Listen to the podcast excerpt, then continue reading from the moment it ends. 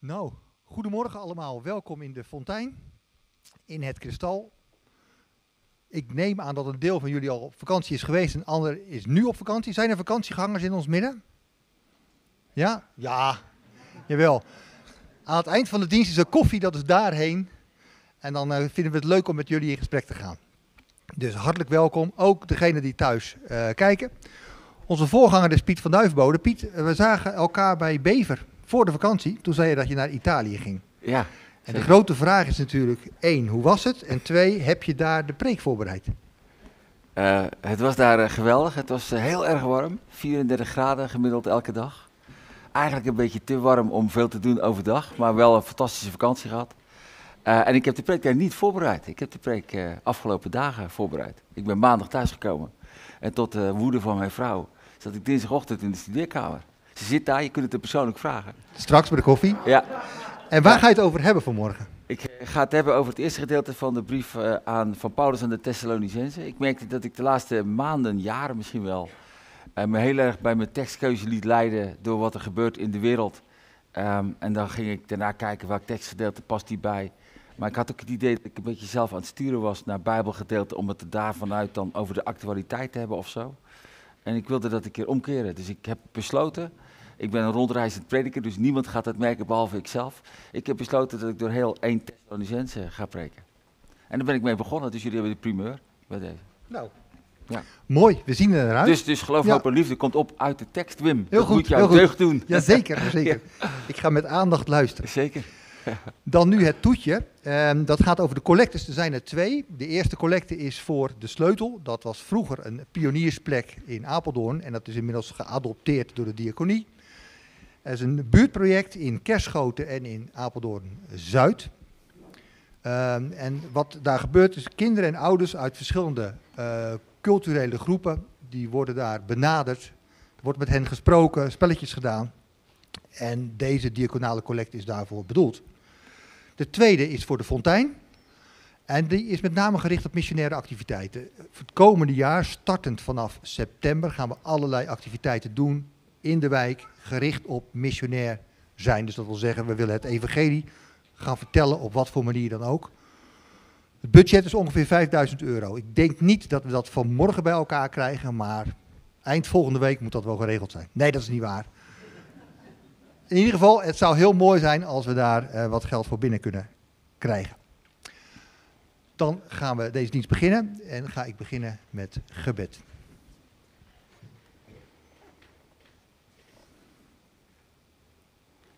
Vader in de hemel, wij danken u dat we hier zijn. Op deze dag waarin we deze ruimte betreden en alles weer klaar staat. We hebben ons best gedaan, maar we doen dat voor u. We zijn blij om hier te zijn en te horen naar woorden die u speciaal voor ons hebt voorbereid. Help ons om aandachtig te luisteren en vervuld van uw liefde deze ruimte aan het eind van de dienst weer te verlaten. Wees ons nabij. En we danken u voor de afgelopen periode als we ons hebben ontspannen, andere dingen hebben gedaan, of misschien zijn we wel thuis gebleven en hebben we, zijn we in, in onze kamer gebleven of in de tuin. En we vragen of u steeds bij ons wilt zijn, in goede en in slechte tijden. En we vertrouwen daarop. En wilt u hier aanwezig zijn, onze voorganger, dominee Piet van Duivenbode, zegenen. Ook de muziekgroep en ons als hoorders. Help ons om dicht bij u te zijn. Dat vragen we alleen om Jezus wil. Amen. Amen. We wensen elkaar een hele goede en een gezegende dienst. En we gaan staand zingen samen in de naam van Jezus. Het is op zich wel aardig. Dit is de eerste keer dat we gaan zingen zonder piano. Dus we gaan kijken hoe het gaat. Het is een uitgebreide band onder de bezielende leiding van Gert-Jan. Dus het is familie van de voorganger. Dat moet goed gaan.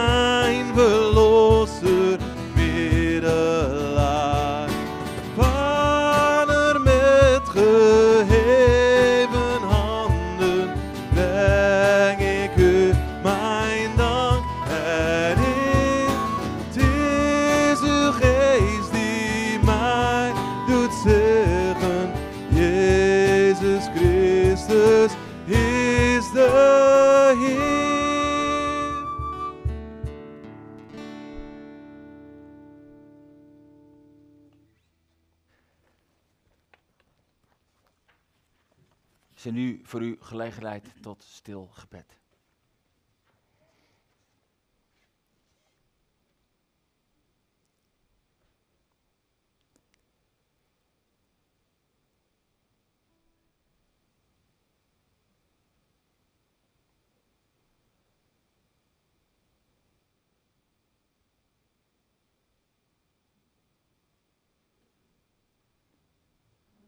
Onze hulp en onze verwachting zijn in de naam van de Heer, die hemel en aarde gemaakt heeft, die trouw houdt en eeuwig leeft en die niet loslaat wat zijn hand begon. Amen. Genade zij u en vrede van God de Vader, door Jezus Christus de Zoon, in de gemeenschap van de Heilige Geest. Amen. We gaan nu met elkaar zingen het lied Heer, wat een voorrecht.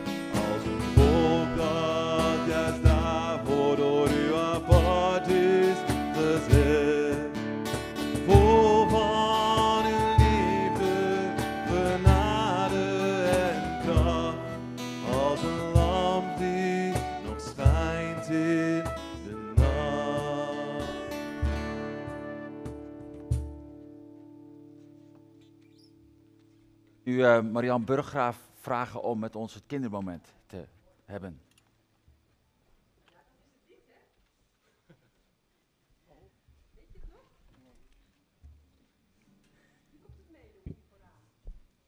paar grote kinderen uitgenodigd. Grote jongeren, tieners.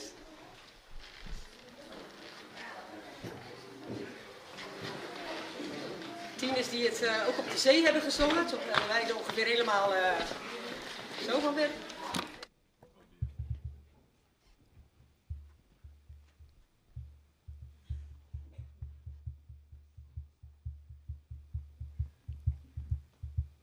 Ja, goed zo. Ze vinden het heel eng.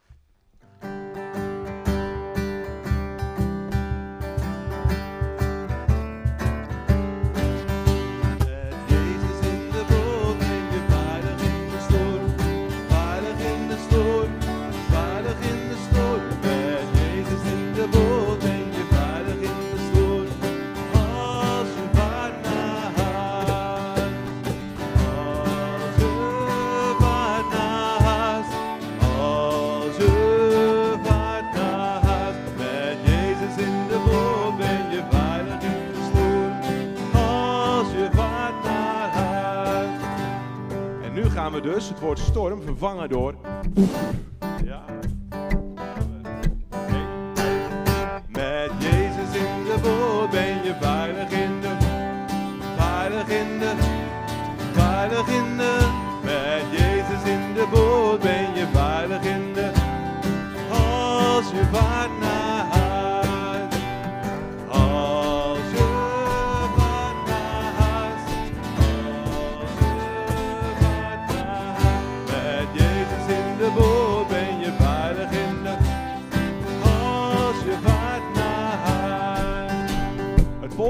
gaan vervangen is boot. En boot, doe de gebaren mee voor. Ja, dat wordt dus boot. Niet meer zingen. Met Jezus in de, ben je veilig in de, veilig in de, veilig in de. Met Jezus in de, ben je veilig in de, als je veilig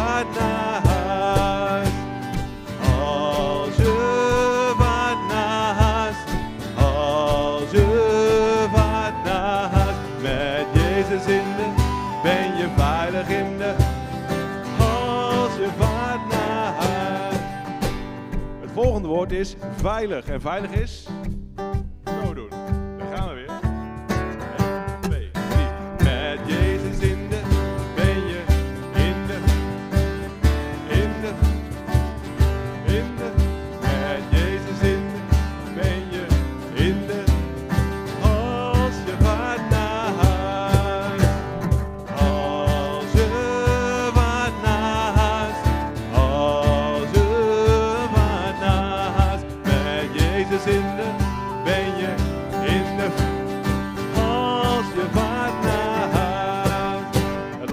Wat weggaat is Jezus. En wat doen we dan? Dan wijzen we omhoog. Daar gaan we. Klaar voor? 1, 2, 3. Met in de ben je in de in de in de met in de ben je in de als je vaart naar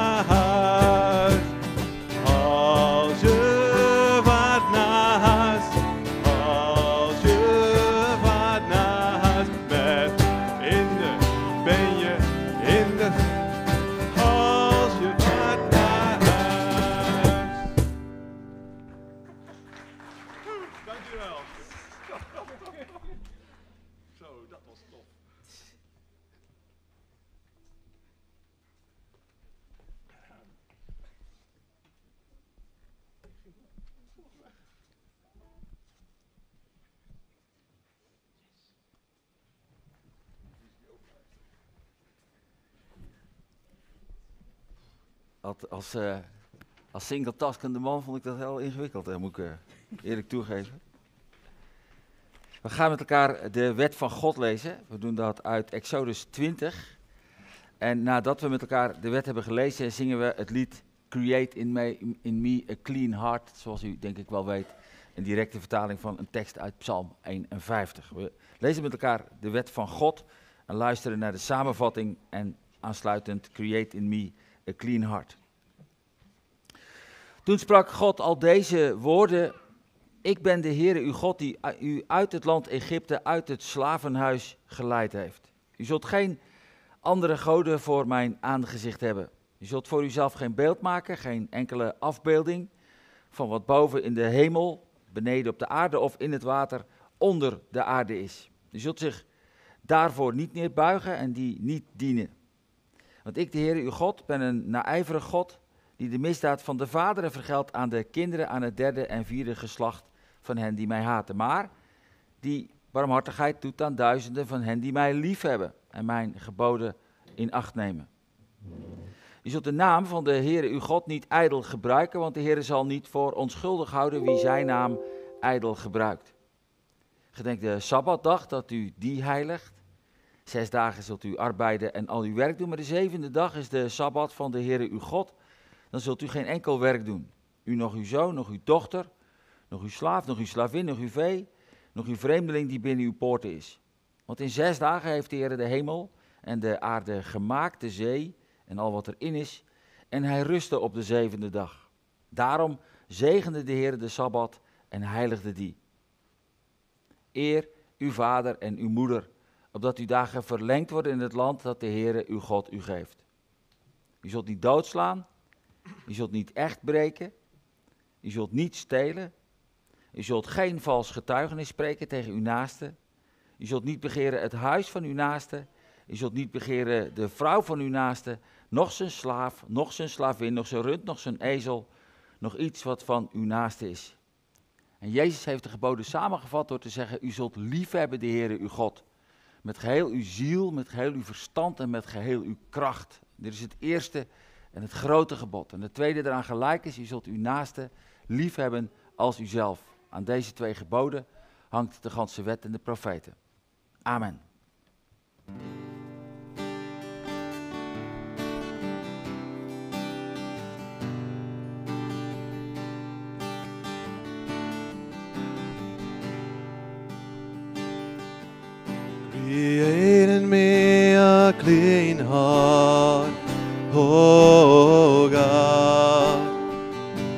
Renew right spirit within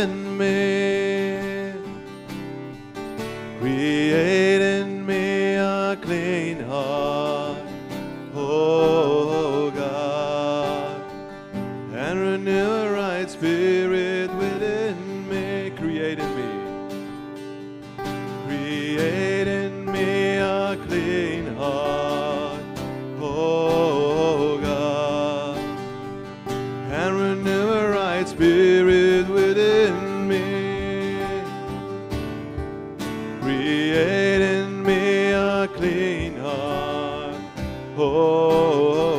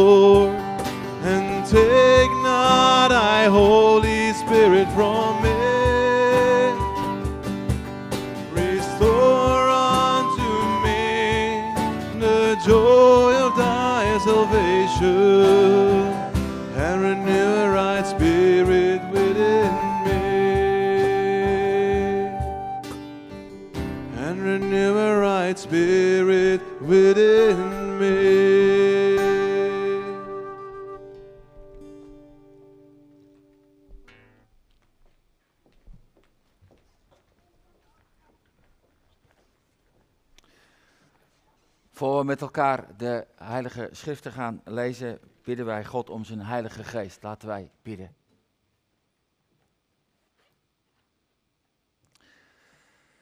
Getrouwe Heere God in de hemel, wat is het iedere keer weer een wonder dat wij tot U mogen komen. Dat de weg naar U open ligt.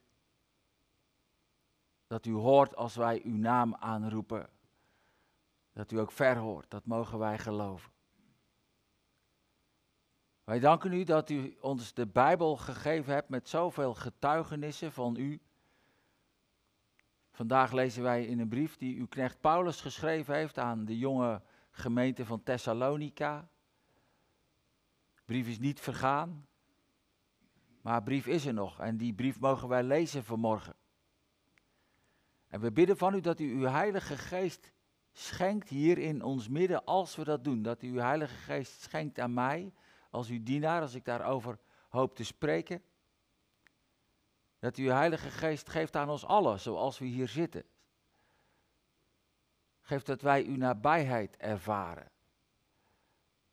Dat we ons door u aangesproken weten. Die mensen daar in Thessalonica, toen de brief werd voorgelezen, al werd die door een eigen gemeentelid voorgelezen, maar ze voelden zich ongetwijfeld aangesproken door Paulus, die ze kenden. Zo bidden wij dat wij ons vanmorgen aangesproken weten door uzelf. Geef uw Heilige Geest en schenk ons wat wij nodig hebben. Zo leggen we elkaar en zo leggen we deze dienst in uw trouwe vaderhanden in de naam van uw Zoon, onze Heer Jezus Christus. Amen. Wij lezen met elkaar de eerste brief van Paulus aan de Thessalonicense. En we lezen daarvan de eerste tien versen. En in de preek ga ik met name stilstaan bij de eerste drie versen. De eerste brief van Paulus aan de Thessalonicense.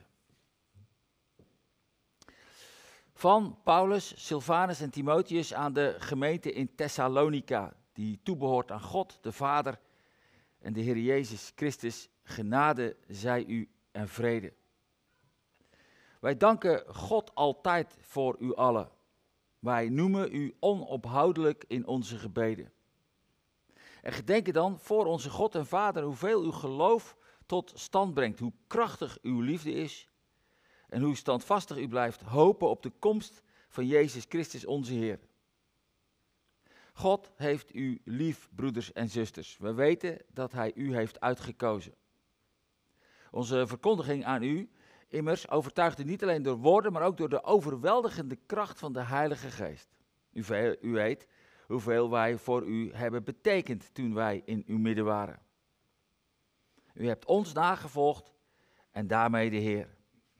Onder zware beproevingen hebt u het woord ontvangen met de vreugde van de Heilige Geest. En zo bent u een voorbeeld voor alle gelovigen in Macedonië en Achaïe geworden.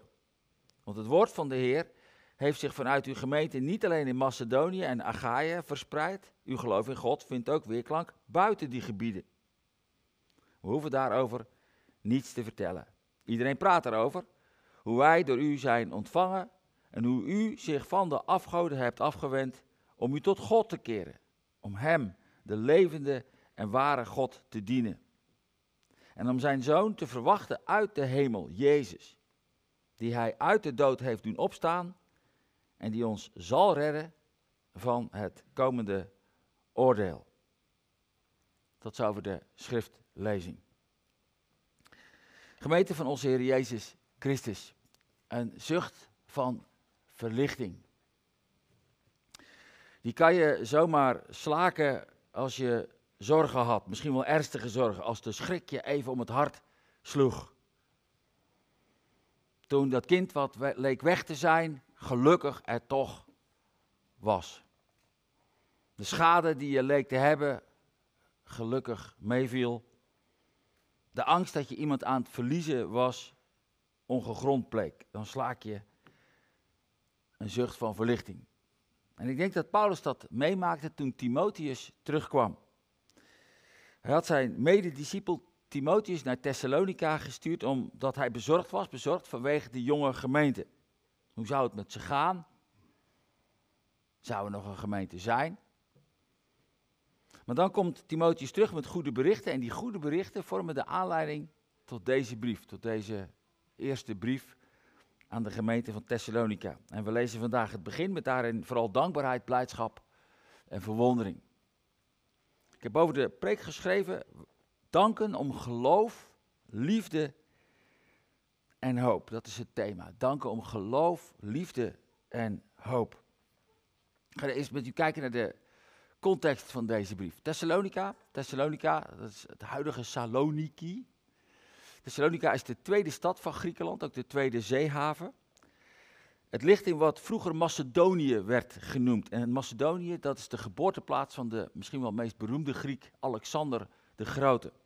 Het plaatsje Thessalonica ligt aan de kust, ligt trapsgewijs gebouwd tegen de berg Kortiatis. Thessalonica is vernoemd naar een halfzuster van Alexander de Grote. Zijn vader, eh, Philippos, Philippos eh, overwon de Thessaliërs. En hij gaf daarom zijn dochter de naam Thessalonike. Nike is overwinnen. Ik heb de Thessaliërs overwonnen, de naam van zijn dochter Thessalonike. En diezelfde naam werd later door haar man. Ze trouwde met Cassander, een van de generaals van Alexander de Grote. En die gaf de stad haar naam. Hij hield zoveel van zijn vrouw, mannen, dan weet u dat. Hoe je nog eens een keer je vrouw kunt maken. Noem een stad naar haar. Dat deed Cassander. Hij noemde de stad Thessalonica.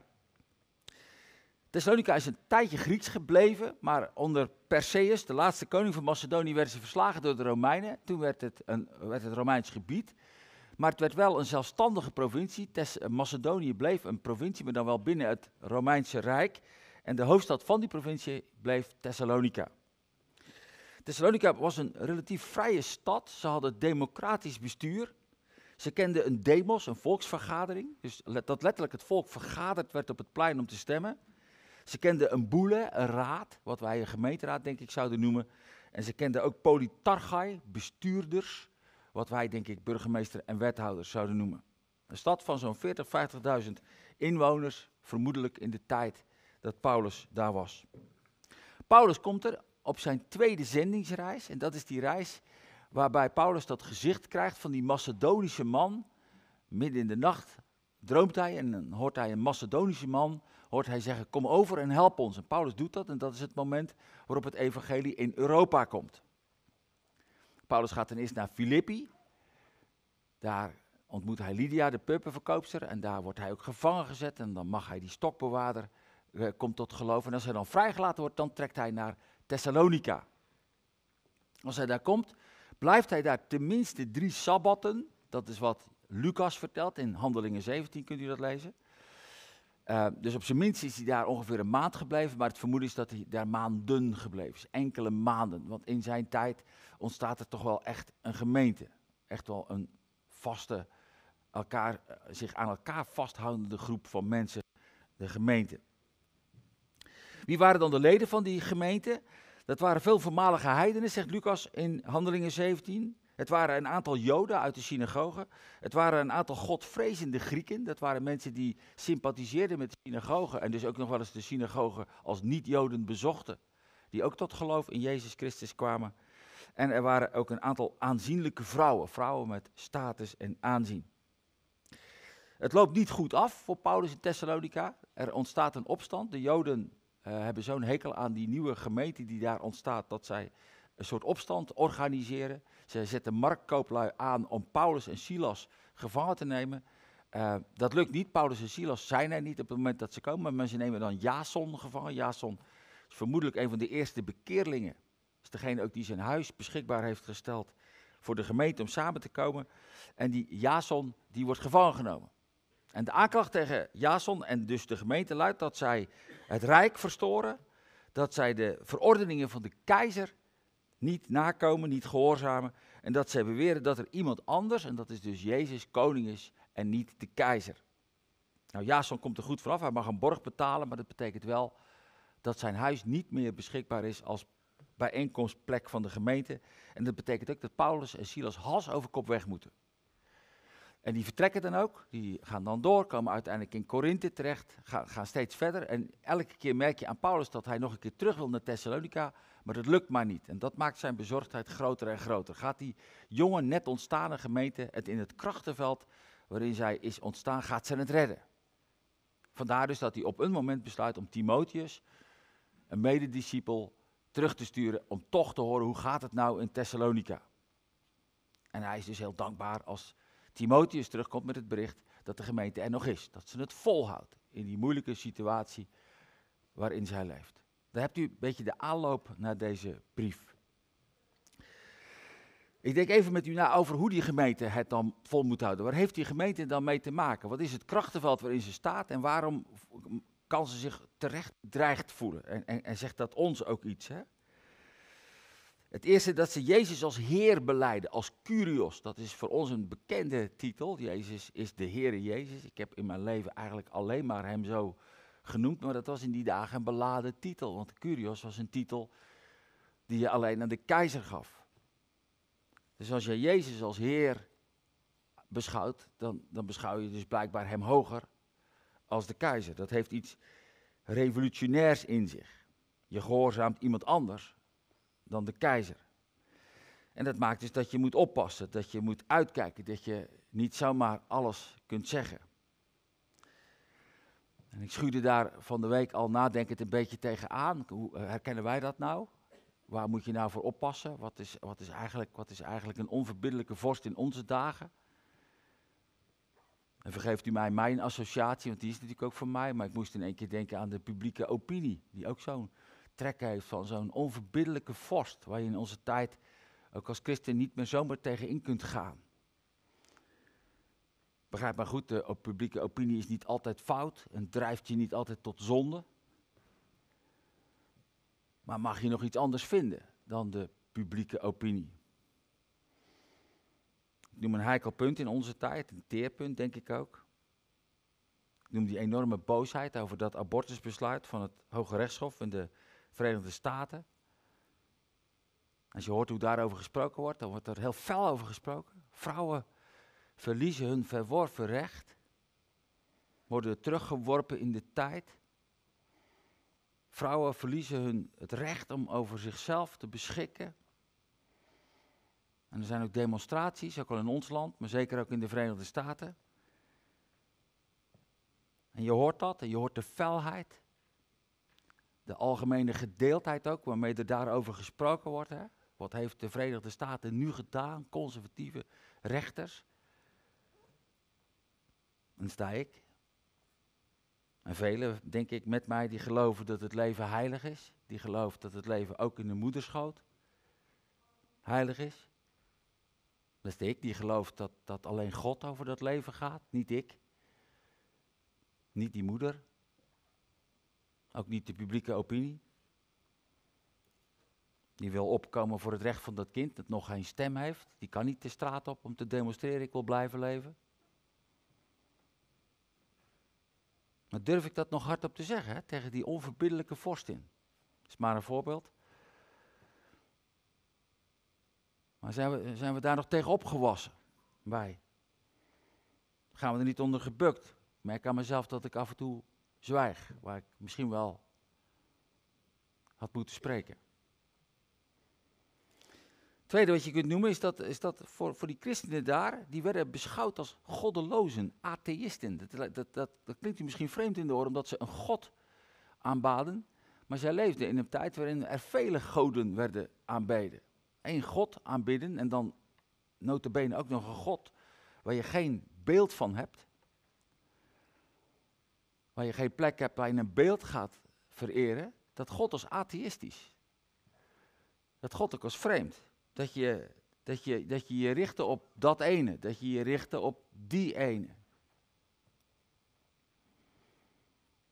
Zoals in onze tijd, waarin je, zo proef ik de tijd in ieder geval, ik hou het maar bij mezelf. Zoals in onze tijd, waarin er niet meer één waarheid is. Niet meer één waarheid mag zijn, want zodra ik ergens ga staan en ik ga zeggen, maar volgens mij is dit de enige en zuivere waarheid, krijg ik onmiddellijk, en u ook, hè, allemaal, krijg je onmiddellijk het verwijt dat ik daarmee dan andere mensen die dat niet als waarheid aanvaarden uitsluit. Die beledig je dan, die zie je niet, hè? die erken je niet, worden gelijk grote woorden gebruikt. Alles mag er zijn, behalve jouw intolerantie tegenover die andere waarheden niet. hè? Zo'n krachtenveld waarin zij stonden, maar ik herken er ook wel lijnen in van onze tijd. En nog eentje dan, iets verderop in de brief, wordt duidelijk dat de gemeente zich onthield van allerlei dingen. Met name als het gaat over relaties en seksualiteit. De gemeente doet niet mee aan het hebben van meerdere relaties en meerdere contacten. En ellendig, dat merk je ook uit de brief, dat werd gevoeld door hun omgeving. Die omgeving die, die zag dat die nieuwe gemeente dat niet deed. Dat herkent u misschien wel, dat je, als je niet meedoet, als je niet meegaat, dat, dat de ander dat voelt als een afwijzing. Die voelt dat als een veroordeling, als er voor jou ergens een grens ligt. Als jij zegt, naar dat feestje ga ik niet. Naar die band luister ik niet.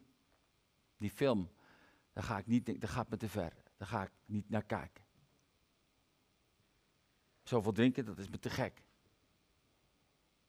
Dat taalgebruik, dat gaat me door merg en been.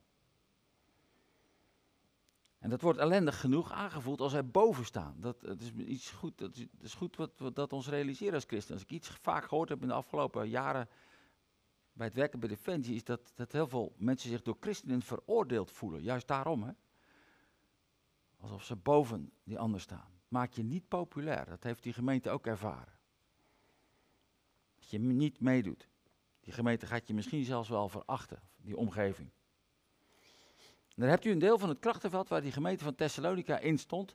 En dat is misschien ook wel waarom Paulus zich zo'n zorgen maakt. Op het moment dat hij wegging en hij de gemeente loslaat, wat gebeurt er dan met die gemeente? Wie leidt die gemeente dan nog? Wie, heeft, wie, wie bemoedigt die gemeente en maakt dat ze stand houdt? Hij maakte zich oprecht zorgen.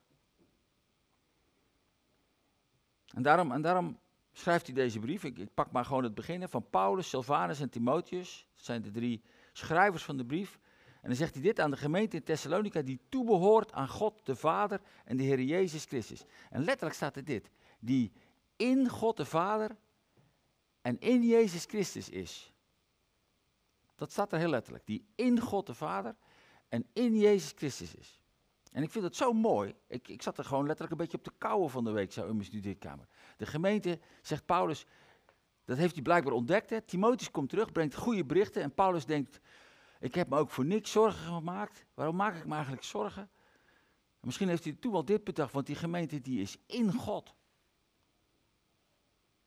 Het is alsof Paulus zich dat de gemeente en, en ook nog zichzelf nog een keer voorhoudt. We zijn in God. We zijn niet, we zijn niet een, een, een, losgeslagen vlot wat, wat, wat dobbert op een, op een golvende zee en alle kanten heen en weer geworpen kan worden. We zijn in Gods hand, lijkt Paulus te zeggen.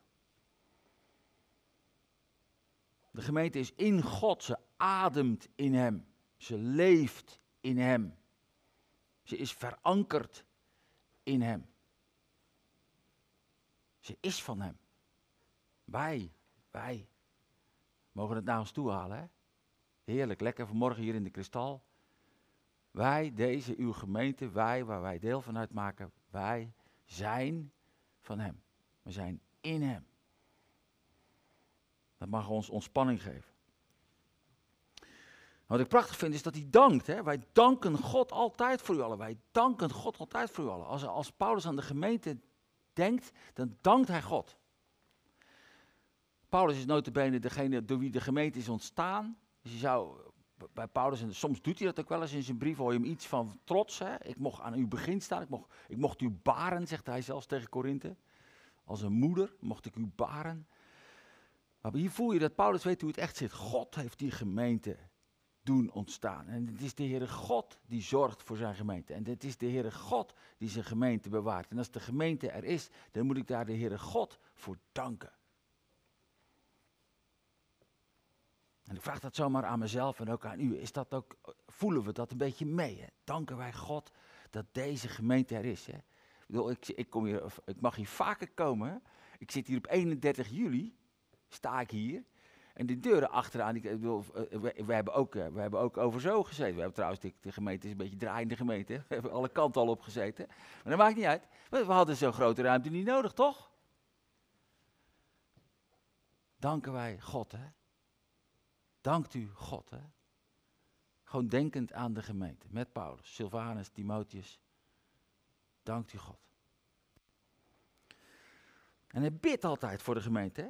Wij, wij danken God voor jullie en we noemen u onophoudelijk in onze gebeden. Paulus weet dat, is, maar het is niet alleen dank aan God, maar we hebben ook God nodig. Ook, ook, ook vandaag en ook morgen en ook in de toekomst. Wij, wij noemen u onophoudelijk. Er mag geen dag voorbij gaan. Die gemeente moet een plek krijgen in het gebed voor God. Die gemeente moet in je handen genomen worden, dat is voorbeden. Hè? Je tilt als het ware die gemeente in je handen en je houdt hem aan God voor. Je zegt, Heer God, hou deze gemeente vast. Hè? Hij voelt dat dat belangrijk is. Dat die gemeente diep afhankelijk van de Heere God is. Dat dat, dat dat niet moet steunen op onze kracht en, en, op onze slimme mensen en begeesterde sprekers of zo. Dat gebed voor de gemeente, dat de Heere God die gemeente blijft vasthouden. Dat is vandaag natuurlijk niet minder nodig dan toen. Hè? Dat, dat, dat we met elkaar elke dag voor deze gemeente bidden. Hè? Voor, de, voor de predikanten die hier mogen werken. Voor het werk wat Wim, waar Wim net onderdelen van noemde. Hè? Gewoon dat, dat heerlijke werk waar je die wijk in mag gaan. De enige plek waar de God van hemel en aarde wordt aanbeden in deze wijk is hier. Hè? Een wijk van duizenden mensen. En hij wordt alleen nog maar groter. Elke keer weer als ik een stukje hardlopen, staan er weer huizen bij. Dat je, dat je God bidt.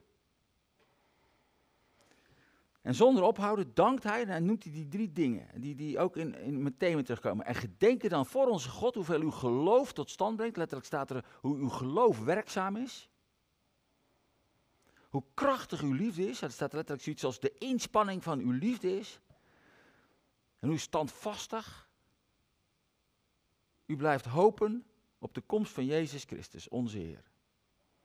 Dus hij, hij, hij, hij, hij bidt, maar ook hij dankt voor geloof, liefde en hoop. Voor het geloof dat werkt, hè? werkzaam geloof. Ik dank, zegt hij, voor uw werkzame geloof. Uw werkzame geloof. Wat is dat nou? Nou, dat is geloof wat, wat, waar, waar, waar iets mee gebeurt, waar iets ook van binnen gebeurt. Hè? Paulus heeft daar de Heer Jezus Christus mogen verkondigen. Hij heeft verkondigd die onvoorstelbare boodschap dat God zelf in de persoon van de Heer Jezus Christus alles op zich genomen heeft. Dat de Heere God zelf in de Heer Jezus Christus onze zonde, alles wat ik niet meer heel kan maken en nog steeds kapot maak en toch ik mag weten waar ik ook uitglij, hij heeft het op zich genomen, meegenomen op het kruis en daar is het veroordeeld. Ik ben er van af. Ik ben het kwijtgeraakt aan Jezus. En dat werkzame geloof voor Paulus is, is, is, is voor Paulus dat geloof dat dat, dat dat weet ook in het gewone bestaan, in dat, in dat dagelijkse leven van ons. Niet, niet een geloof dat dat wel zo'n beetje gelooft en zo'n beetje voor waar aanneemt, want dan blijft het op een soort afstand. Maar zo'n zo'n zo'n werkzame geloof dat weet, dit gaat over mij, dit gaat over mij. Zo'n geloof waarvan je zou kunnen zeggen wat ook, wat ook verwondering in zich heeft. Hè? Hoe is het toch mogelijk dat God zijn best doet om mij, om mij straks eeuwig bij zich te hebben? Zo'n werkzaam geloof. Wat, wat ook zijn steun zoekt in God. Hè? Dus, dus wat, wat als het ware staat op Golgotha. Dat is de grond waar je op bent gaan staan. Zo werd er blijkbaar geloofd in die gemeente. Midden in die context waarin ze staan en de krachtenveld met alles wat er om hen heen gebeurt, weten ze dit. Gebeurt wat er gebeurt, maar ik ben veilig. God heeft me gered in Jezus. En de inspanning van uw liefde, dat is het tweede. De arbeid van uw liefde, de drive zou je ook kunnen zeggen. Het gaat om liefde die wat doet. Liefde die God werkelijk eert, hè? werkelijk meezingt. Ik, uh, ik merk dat ik dat ook vanochtend alweer gelijk merkte bij het eerste lied wat gezongen wordt. Dat, dat er iets meer mee komt dan dat je een paar woorden zingt, hè? maar dat je God eert daarin. Dat je de Heer Jezus werkelijk. Liefde die ook elkaar dient, hè? die de gemeente dient en gemeenteleden dient. Hè? Gemeenteleden. Als je blijkbaar echt voor elkaar bent, die ander in de gemeente echt jouw liefde ervaart. Een liefde die blijkbaar ook naar buiten gaat. Dat, dat, dat zegt hij ook al aan het eind van dit hoofdstuk. Hè? Uw, uw, uw geloof vindt weerklank, hoeft er niks over te zeggen. Iedereen weet het, zegt hij. Hè? Die liefde gaat naar buiten. Ze zijn voorbeelden geworden, zegt Paulus. Typos. Het woord wat hier gebruikt wordt voor liefde is het woord agapa. Dat is onbaatzuchtige liefde. Dat is liefde die geeft zonder dat dat denkt dat het iets terug gaat krijgen. Heel vaak geef ik iets vanuit de verwachting, maar dat ga ik een keer, dat wordt een keer beloond. Maar dat is agapa niet, hè? Agapa is liefde die geeft. Onbaatzuchtig. Agape is liefde die tegen die ander zegt, hoe gaat het met jou? Hè? Kan ik iets voor jou betekenen? Kan ik iets voor jou doen? Agape is, liefde die bereid is tot het offer voor de ander. Dat is de agape. En ik hoor van de inspanning van uw liefde. Hè? Blijkbaar is dat een dragende kracht ook. Hè? Die werkzaam, dat werkzame geloof is een dragende kracht. Dat begrijp je ook wel, hè? Als je, tegen zo'n, als je, als je merkt, hè, Paulus hoort dat Timotheus terugkomt en die hoort, die hoort misschien wel Timotheus zeggen, Paulus maak je nou niet druk, ik heb het meegemaakt, gebeurt wat er gebeurt, maar ze houden zich vast aan Jezus. En blijkbaar heeft hij ook gezegd, Paulus maak je niet druk, ik heb gezien dat, hoe, hoe het er ook tegen staat, maar, maar er is liefde. Er is liefde tot God, liefde tot elkaar en ik merk dat ze zelfs liefde hebben voor degene die, die hen bedreigen. Ze beantwoorden dat wat op hen afkomt met liefde. Paulus zal later tegen de Romeinen zeggen, hè, als iemand jou kwaad doet, dan moet, je, dan moet je hem juist goed doen. Laat je niet overwinnen door het kwade, maar overwint het kwade door het goede, zal hij dan zeggen. Door de liefde, zeg ik maar. En dat doet die gemeente. En wat goed is als wij dat ook doen. Hè? En de derde is de hoop, de volhardende hoop op onze Heer Jezus Christus. De volhardende hoop op onze Heer Jezus Christus. Volhardende hoop. Dat is dus niet, dat is dus niet een soort berusting. Ik merk aan mezelf dat ik daar wel eens last van heb. Dat ik, dat ik zo ook wel in deze tijd sta. Ook als ik kijk naar de kerk en wat er allemaal gebeurt. Dat ik een soort gevoel heb van nou, we moeten, als, als wij, als wij ons, ons eigen plekje maar een beetje schoon houden. Gaat er toch niks aan veranderen. Dat is een soort berustende houding of zo. Hè? Machteloze berusting zou je ook wel kunnen zeggen. Maar daar heeft Paulus het niet over. Hè? Hoe standvastig blijft hopen, staat er. Dat je, dat, je, dat je dit weet, wat er ook gebeurt, wat er ook gebeurt, hoe het ook zal gaan. Het is wel een tijd om dat tegen elkaar te zeggen, toch? Wat er ook gebeurt, klimaatcrisis, energiecrisis, torenhoge inflatie, duizenden mensen die ons land binnenstromen die we graag ontvangen hoor. Ik, ik, ik, ontvang ze graag, maar op een gegeven moment voel je ook wel, eh, maar het houdt toch een keer op of zo.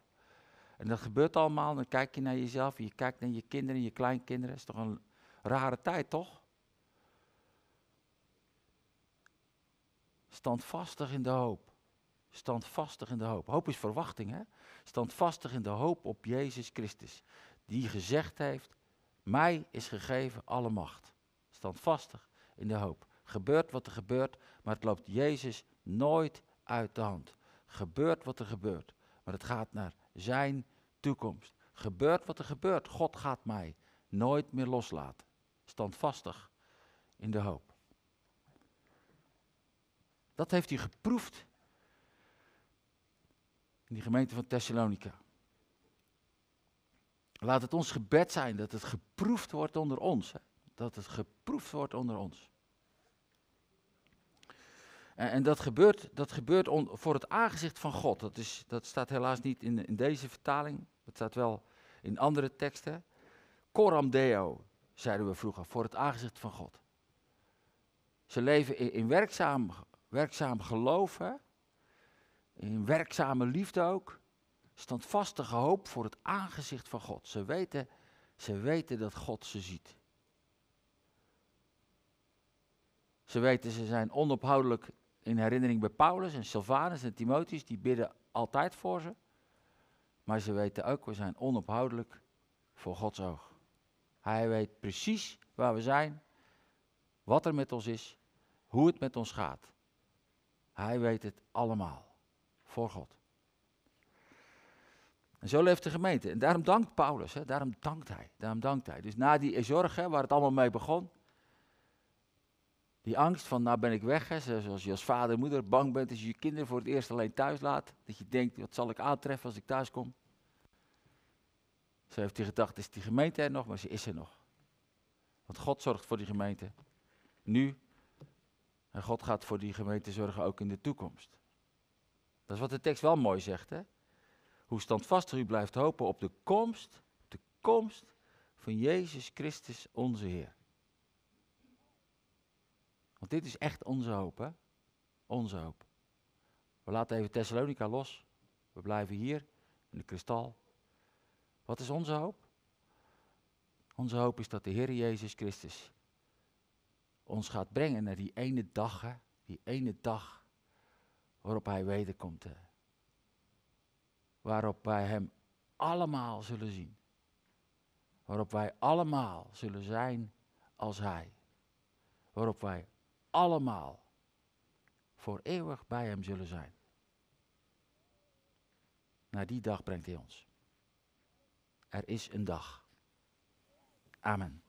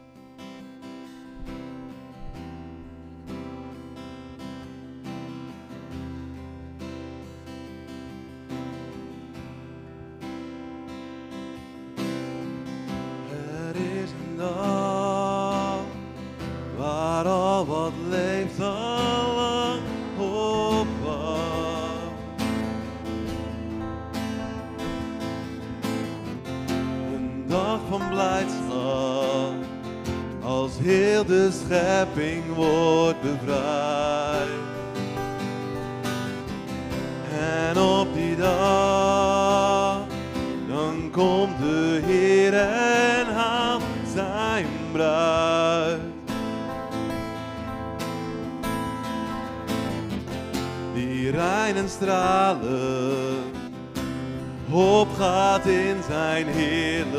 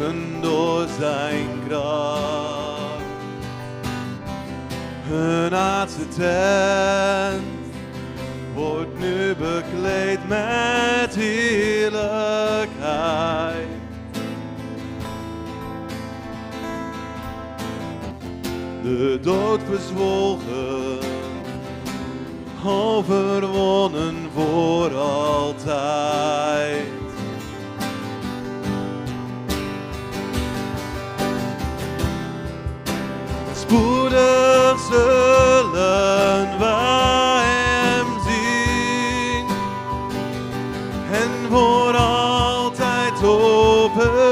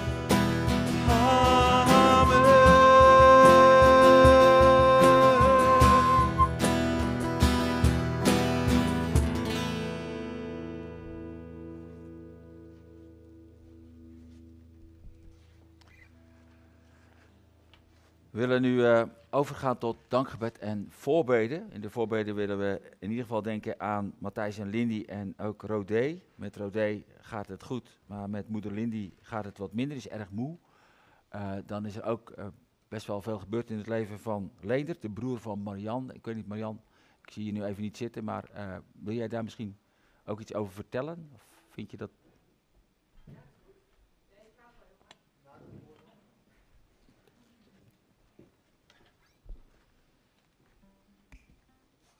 het gaat momenteel eh, ja, eigenlijk wel eh, heel goed met hem. Ehm, hij is wakker geworden en hij is eh, eh, behoorlijk helder.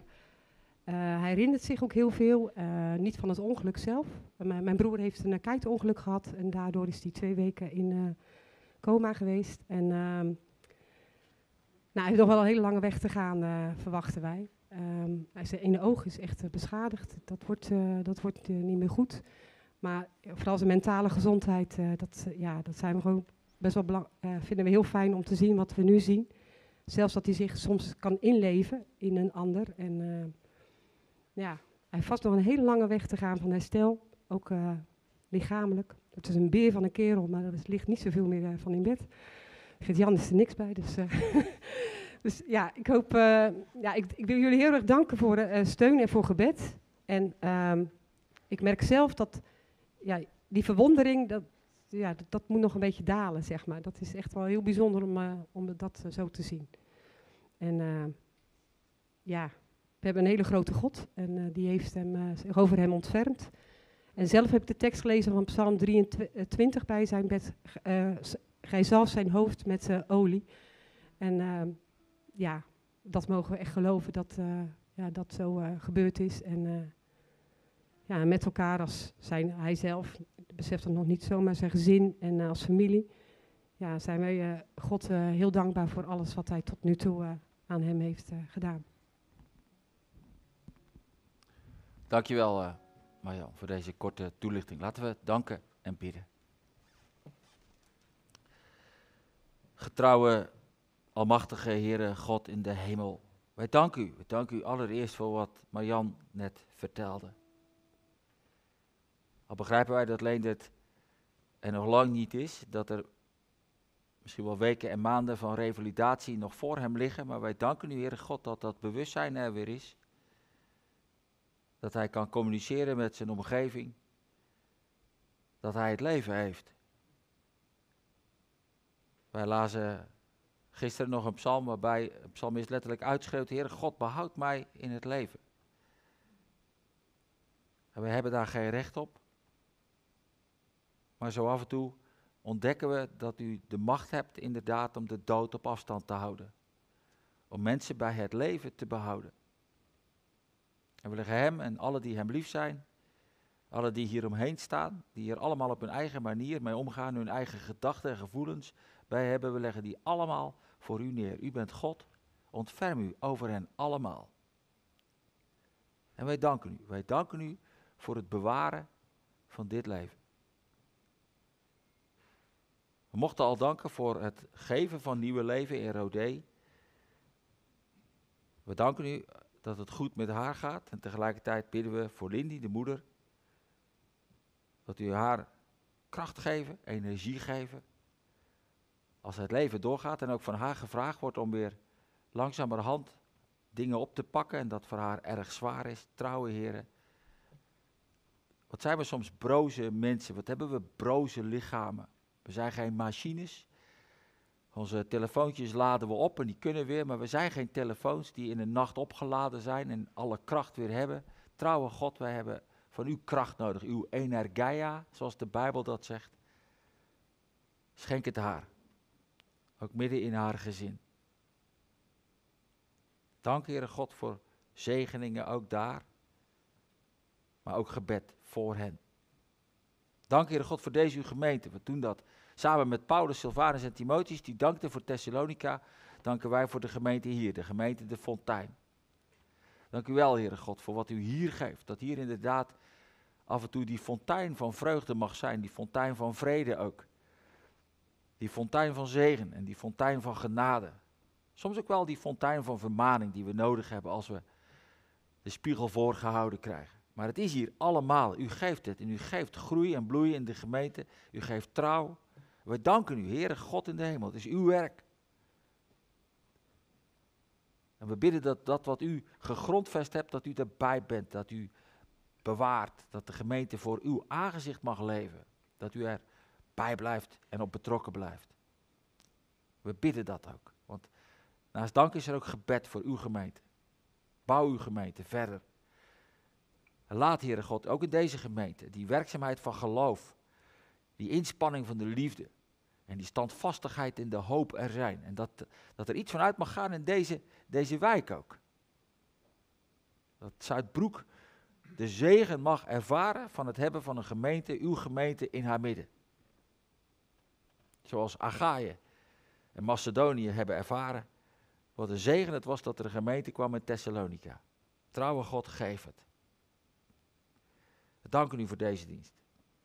We danken u dat u altijd weer laat merken dat u op ons betrokken bent. Zondag aan zondag horen wij niet anders dan dat u van ons houdt. Dat u wilt dat we met u leven, dat we eens eeuwig bij u zullen zijn. Dank u wel dat u dat doet. Wees met in ieder van ons. U kent onze persoonlijke levens, onze persoonlijke zorgen ook en vragen. Gaat u met ons mee als we misschien een poosje van hier gaan om, om ergens rust te vinden op vakantie?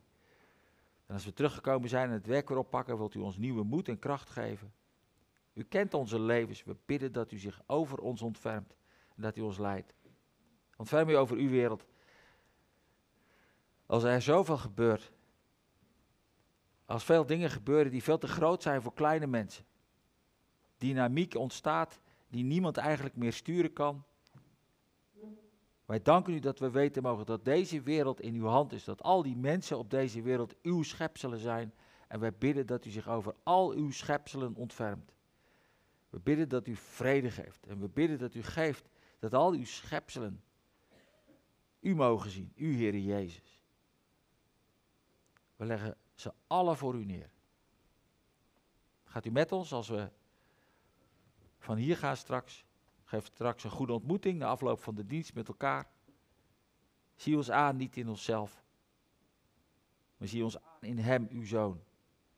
Onze Heer Jezus Christus. Amen. Het zal nu eh, een plek zijn voor de collecte. En ik weet eigenlijk niet zo helemaal zeker of we daarna ook direct gaan zingen. Maar het lied wat we eraan gaan zingen is... Maak ons tot een stralend licht voor de volk. Maar er wordt al gesigned hier en zo. Ik doe van alles fout, maar ze lossen dat op. Eh, dus daarna zingen we het lied Maak ons tot een stralend licht.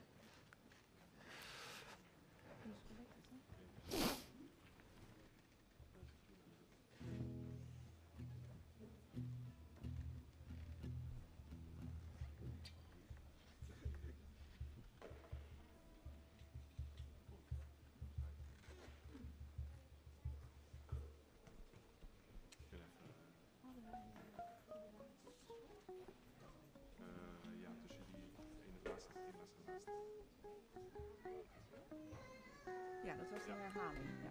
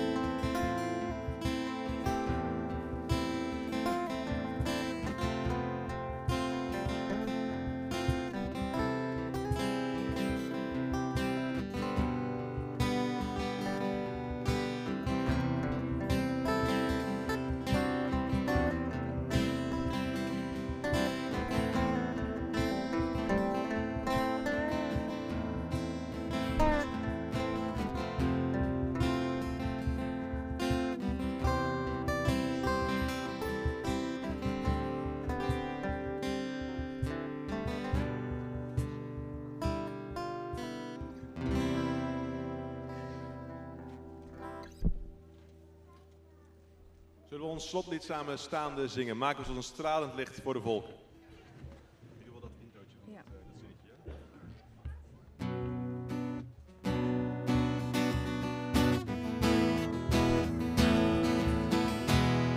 Tot een stralend licht voor de volken.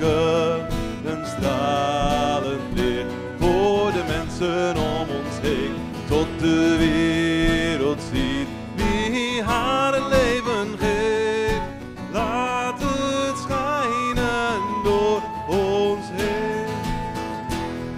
tot een woord van hoop voor de volken. Een levend woord voor de mensen om ons heen. Tot de wereld weet dat u verlossing geeft. Uw genade door ons heen. Maak ons tot een zegening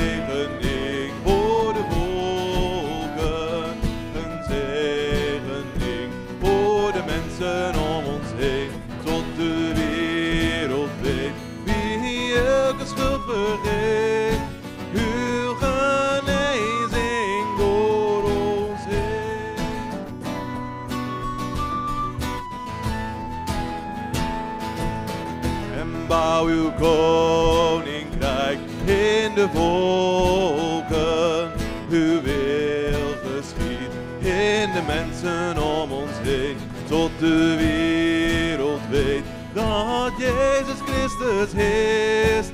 Bouw uw koninkrijk in ons, bouw uw koninkrijk op aarde.